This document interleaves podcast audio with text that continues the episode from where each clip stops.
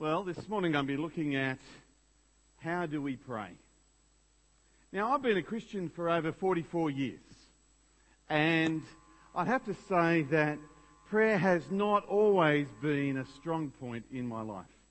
And it's easy for a minister to get up here of a growing church and say, look, this is what the Bible says about a lot of things, and especially prayer. But it's another thing to actually do it let me confess with you this morning that for many years I have found disciplined prayer quite difficult. Finding the time, keeping the uh, concentration and the focus, believing that my prayers are going to make a difference, or submitting to God in my prayers. Now, I'm going to share with you something about my temperament.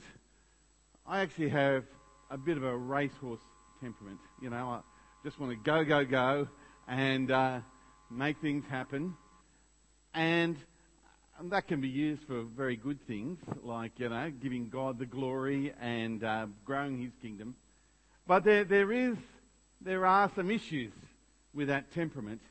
And being an activist can be a problem in stopping me from submitting to God in prayer you and I can easily be sucked into thinking that, you know, prayer, it's just for people who can't do anything.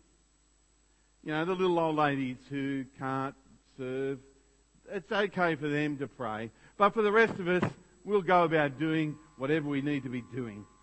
And this is where the problem is for me, is relying on my own strength and not God's leading.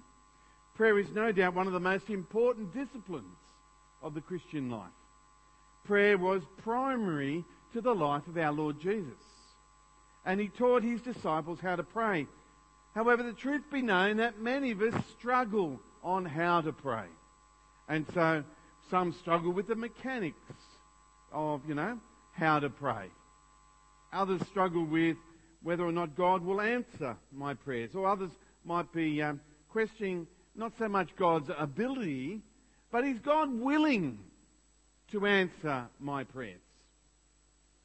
So for many of us, we don't pray much because either we don't know how to, or we think that it's not going to, God's not going to answer them, or believe that God's going to answer them.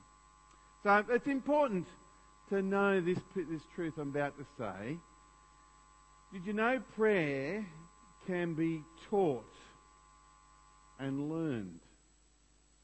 Taught and learned. Jesus went off to pray on many occasions. And on one occasion, as he uh, went off to pray, one disciple came up to Jesus and said, Look, we see how you pray. You make it a priority. We, we see how, you know, John the Baptist taught his disciples to pray.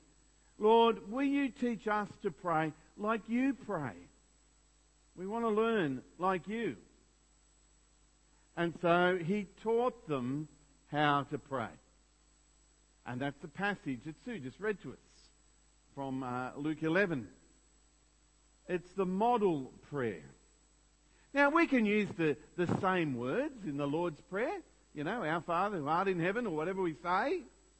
We can say that word for word. Or it can be an example or a, a, a model for our prayers when we pray. So what I'm going to do this morning is go through and go through five things what Jesus taught in his in his prayer that we need to know. So the Lord's Prayer teaches us five things about how to pray, and the first is our intimacy with God. We see there in verse 2, he starts off with Father. And uh, he thought, wait a minute, don't we say the Lord's, Lord's Prayer, Our Father who is in heaven? Um, did, did someone add to this, the prayer?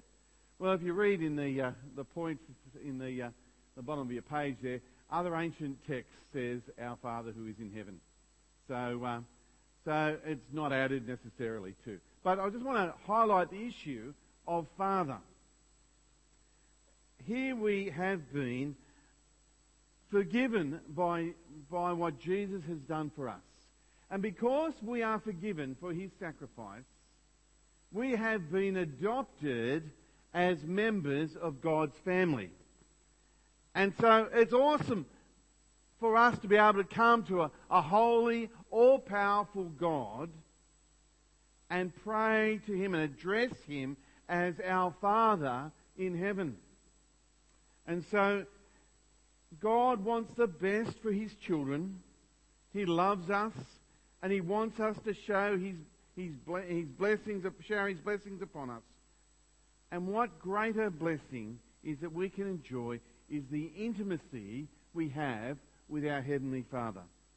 When we pray, we come to the very throne room of God, the King of Kings, and we speak to Him. What an honor and a privilege that is to come and speak to the Lord of Lords. And He wants to hear what you have to say. Not only that, He's eager to grant whatever we ask in faith. So, the first thing we know is an intimacy we have with God, and we can come to Him and ask whatever we want to. The second thing that Jesus teaches us in this prayer is to honour and serve God. He says again in verse 2 Father, hallowed be your name, your kingdom come. Jesus' prayer teaches us that our purpose here on earth is to honour God, to grow His fame and name, to bring about the coming of the kingdom of God through serving Him here on earth. So, so our life and prayers should not be focused on me, me, me, and get a Santa list out and say, this is what I want. Our prayers should be focused upon God because we're talking to Him and making His rule and honour great. So we should be wanting to grow the kingdom of God. This should be a characteristic of our prayers.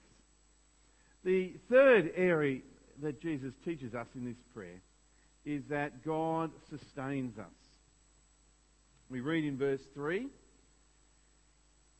Give us each day our daily bread.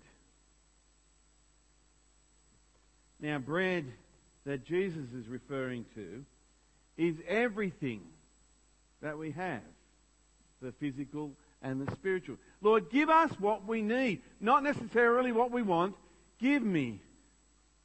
Please give me what I need. Now, this is Farnham Road bread, so it's always nice bread.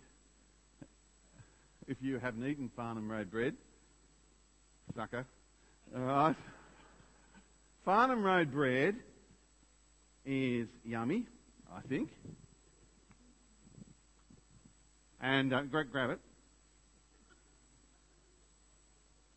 Now I can't talk. oh, yeah, pass it around. Yeah, yeah. It's yummy. It's what we need to sustain us. Bread are the uh, when it say give us the bread, give us the things that will get me through life. All right?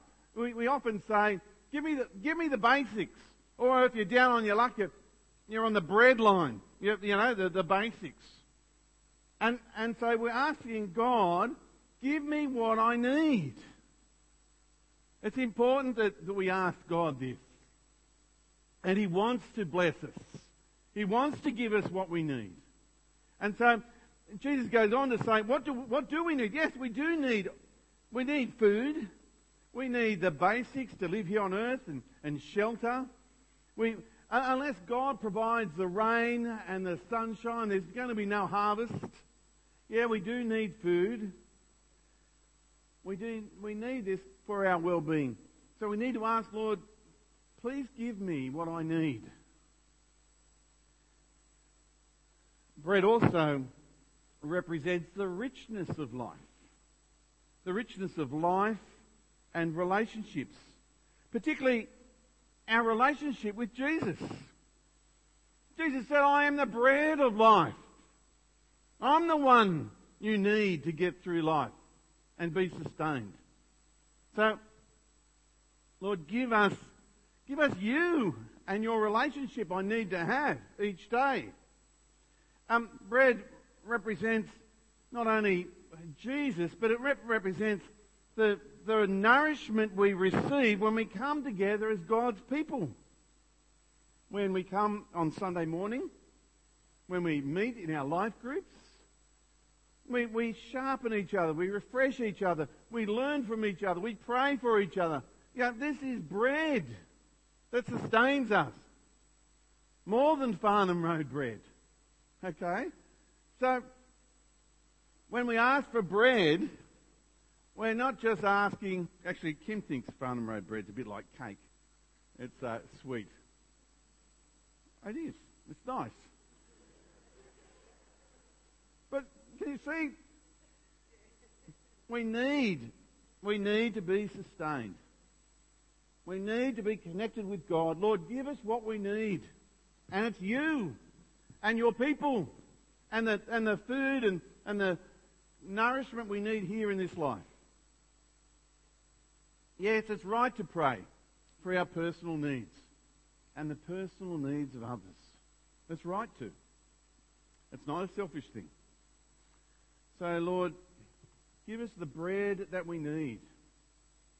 The fourth thing that Jesus teaches us is that of spiritual renewal. And he says in verse 4, and forgive us our sins as we ourselves forgive everyone who is indebted to us. We know full well that the forgiveness uh, that Jesus has offered to us has removed the barrier between us and God, and we're able to freely fellowship with Him. Forgiveness eliminates the guilt and brings uh, our peace and a good conscience before God. And so, without daily bread, we cannot live physically. Without, without forgiveness, we cannot live spiritually or eternally. And we need it. And of all the needs uh, we have, nothing is more greater than the forgiveness of our sins. Nothing. So that we can be with God. Now, I want to confess to you something. I find it hard to say sorry.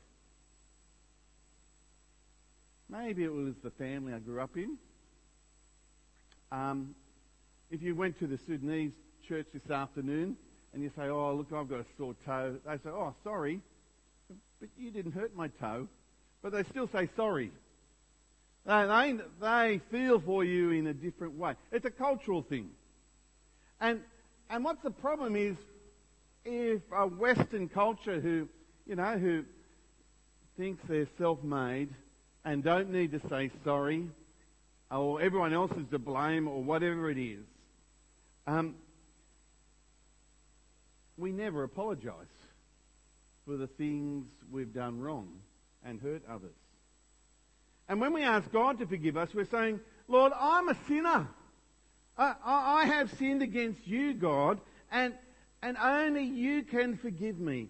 Please forgive my sins. Please forgive me, Lord. It's a good thing to pray for. Because it gets in the road of our life. It, clogs up everything, our sin. And Lord, we need your forgiveness. Forgive us our sins. And then he goes on to say, For we ourselves also forgive everyone who is indebted to us. The forgiveness that we ask from God must must flow on. You see, the forgiveness that we receive from God is not just a private matter, but rather it, it extends into our life. And you cannot expect God's forgiveness of yourself if you're unwilling to forgive others who have wronged you. Forgiveness is essential in the Christian life. God's forgiveness of us and our forgiveness of others. This is really important, and we pray for that. And we need to pray, Lord, help me to forgive someone who's hurt me. It's right to pray that prayer. And fifthly, in Jesus' prayer, he teaches us to pray for spiritual protection. And lead us not into temptation. Lead us not into temptation. Now, in uh, in some translations of the Lord's Prayer uh, and even uh, the Bible, it says, "Help us uh, in the hour of trial." And there is some warrant for that translation. But lead us not into temptation. What are, what are the, the general categories of temptation? Is the world, the flesh, and the devil. So let me just cover those things. The world, you know, the power games, rejecting the rightful authority over us and refusing to submit to God, to seek honour and fame for ourselves rather than the benefit for others, to go after a worldly way of thinking and not God's way of thinking. Lord, may I not fall into that temptation. And then there's the, the temptation of the flesh, impurity, laziness, gluttony, drunkenness, greed, deceitfulness. It's, it's part of our carnal nature. Lord, please help me not fall into that. And the third area of temptation is that of the devil. He incites us to disbelieve to disregard the Word of God. He takes the opportunity to plunge us into despair and even deny God. Now, when we say, Lord, lead us not into temptation, we're not saying, Lord, don't, don't put a bubble around me, may I never be tempted. Jesus was tempted. It's not wrong to be tempted. What's wrong is to give in to that temptation. It's human to be tempted. And, uh, and it strengthens us in that temptation. We, when we resist, we grow stronger in our dependence upon God. And if the Lord's Prayer doesn't make any difference in your life, then I'm wondering, are you actually praying it? Deliver us, Lord, from this. Help me, give me the strength. In 2 Thessalonians 3, it talks about, you know, how can you expect God to answer your prayers for daily bread when you're lazy or irresponsible? Lord, deliver me. Or how can I expect God to forgive me when I'm not prepared to forgive others? Jesus says in the Sermon on the Mount. And how can, how can I expect God to deliver me from temptation when I choose to remain in a situation of great temptation? flee. Flee from it. Lord, give me the strength to overcome it or to get out away from it. May I not fall into temptation. Well, how do we make prayer a priority? Well, we've, we've seen the basis of how we are to pray. But if we're serious about following God, and I know you are, if we are fair dinkum in bringing our heartfelt, passionate prayers to God, friends, we need to make prayer a priority. And what does that look like? Well, we need to make it part of our life. Not just, you know, the, the fainting sort of thoughts that go through our head as you know, we doze off to sleep.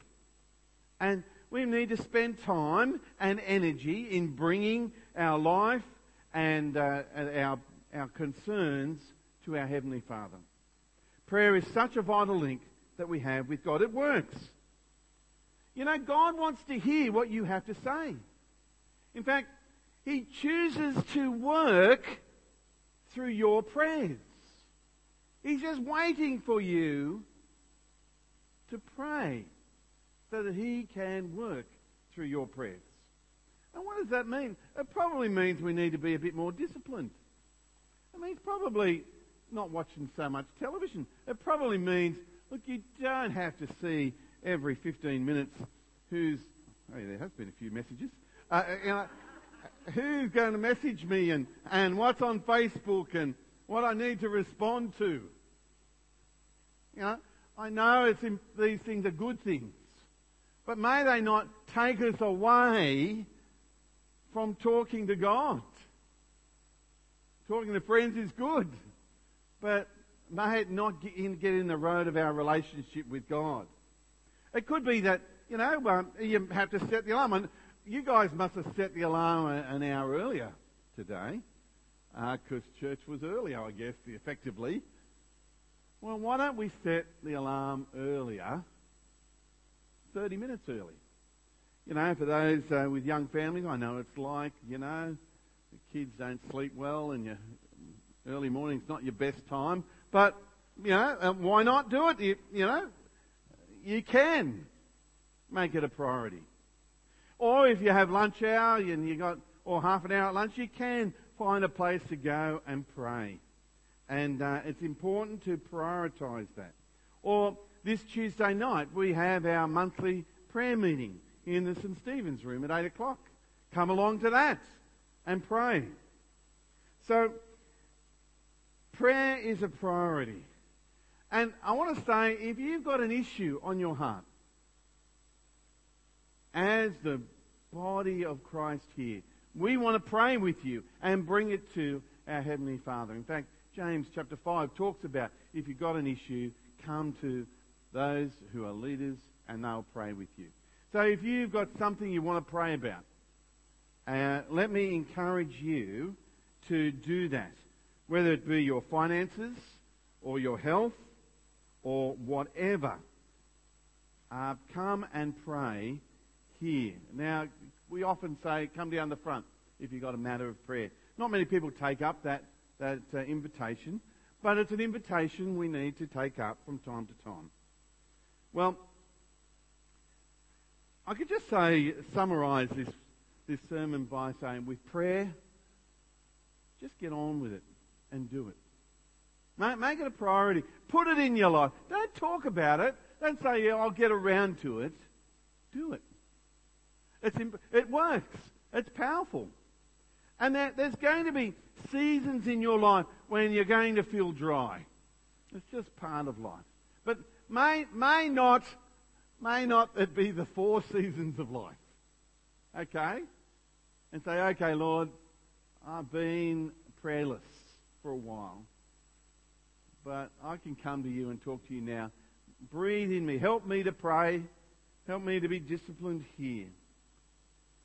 And we, we live in a society that's rapidly changing and, and moving away from, from its Christian heritage. And the gospel is, is something and we are becoming more marginalised each day in our society. And our world needs to hear the message of Christ more than any other. They are so far away from God. If you think about your neighbour, or your kids, or your nieces and nephews, or your parents, or your spouse, or your friends, or your co-worker, or whoever, it's the, I know we are the human element in it, but it's the hand of God that's going to change them. How can we expect the hand of God to change them if we don't even um, bring them to God in prayer? We need to be people of prayer that with God's help we can make a difference. We can't do it on our own. And God chooses to work in your prayers and mine. This weekend, we heard that 39 kids and 15 helpers and leaders are going away, have gone away this weekend for a youth camp, a spring camp. We know that most teenagers put their hand up and say, or those who become Christians you know, in, in adults, you know, something like 80% of them say, I, I become a Christian as a teenager. And it's camps that probably consolidate this. So why, why shouldn't we praying for the many young people this weekend who are away that they might come to know Jesus as their Lord and Saviour. Yet prayer works, and we need to be bringing uh, our requests put to God about this. So, where, where is your passion? Where is your passion for prayer?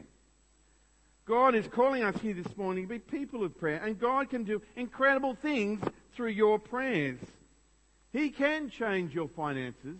He can change your health. He can change your friends, your spouse, your kids, someone you love, they can turn to Christ. He can change governments and kings because He is God. And God, God could fill, I know a bit light on this morning with daylight saving, but God could, could fill this congregation four times over if He wants. And many more people would be honouring God and giving glory to Him. But are we praying for that? Are we praying that many more will come to know Jesus? Are we praying that many more will come and join us? And we're looking around thinking, mm, no. Well, maybe that's, that's an impetus for prayer. Why don't we go and pray? Now, there are 100,000 people in our backyard. Pray that God will touch their hearts. And fill this church, yes. But more importantly, fill the kingdom of God. God can change a bad attitude or a relationship.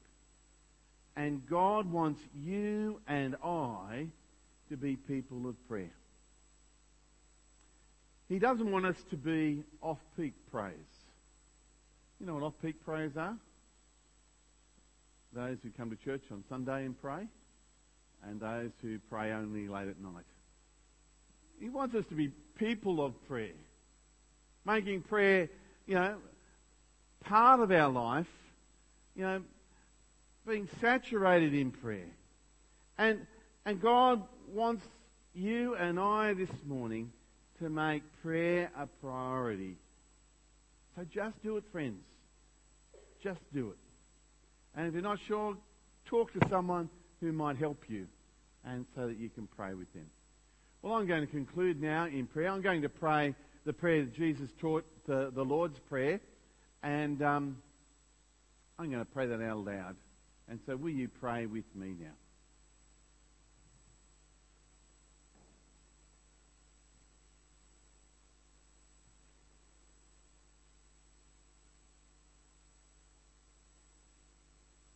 Lord, teach us to pray.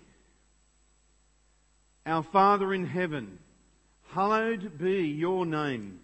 Not our name, Lord, yours. May you get the attention, not us. May you get the glory, not us. May you get the praise and acclaim, not us. Your kingdom come. Your will be done on earth as in heaven. May your empire expand not ours. May your will be done, not ours. May your desires and wants be for, for us be fulfilled, not ours. In every area of our lives, may your purposes be fulfilled and not ours. Give us today our daily bread. Don't give us everything we need for a lifetime so we forget to live in daily dependence on you. Please give us what we need for today to accomplish your will, glorify and reflect your generosity to us. Forgive us our sins as we forgive those who sin against us. May we be as forgiving as you are, not harbouring grudges, hurts, or disappointments against others, ourselves, or even you. Lead us not into temptation, but deliver us from evil. Lead us in the path of growth and fruitfulness. Remove evil from within us. Help us not to absorb or pick up new forms, thoughts, or habits of evil. May the bright lights of worldliness and sin have no attraction for us. For the, the kingdom, kingdom, the power, and the, the glory, glory, are yours, now, now and, and forever. forever. And all God's people said, Amen. Amen.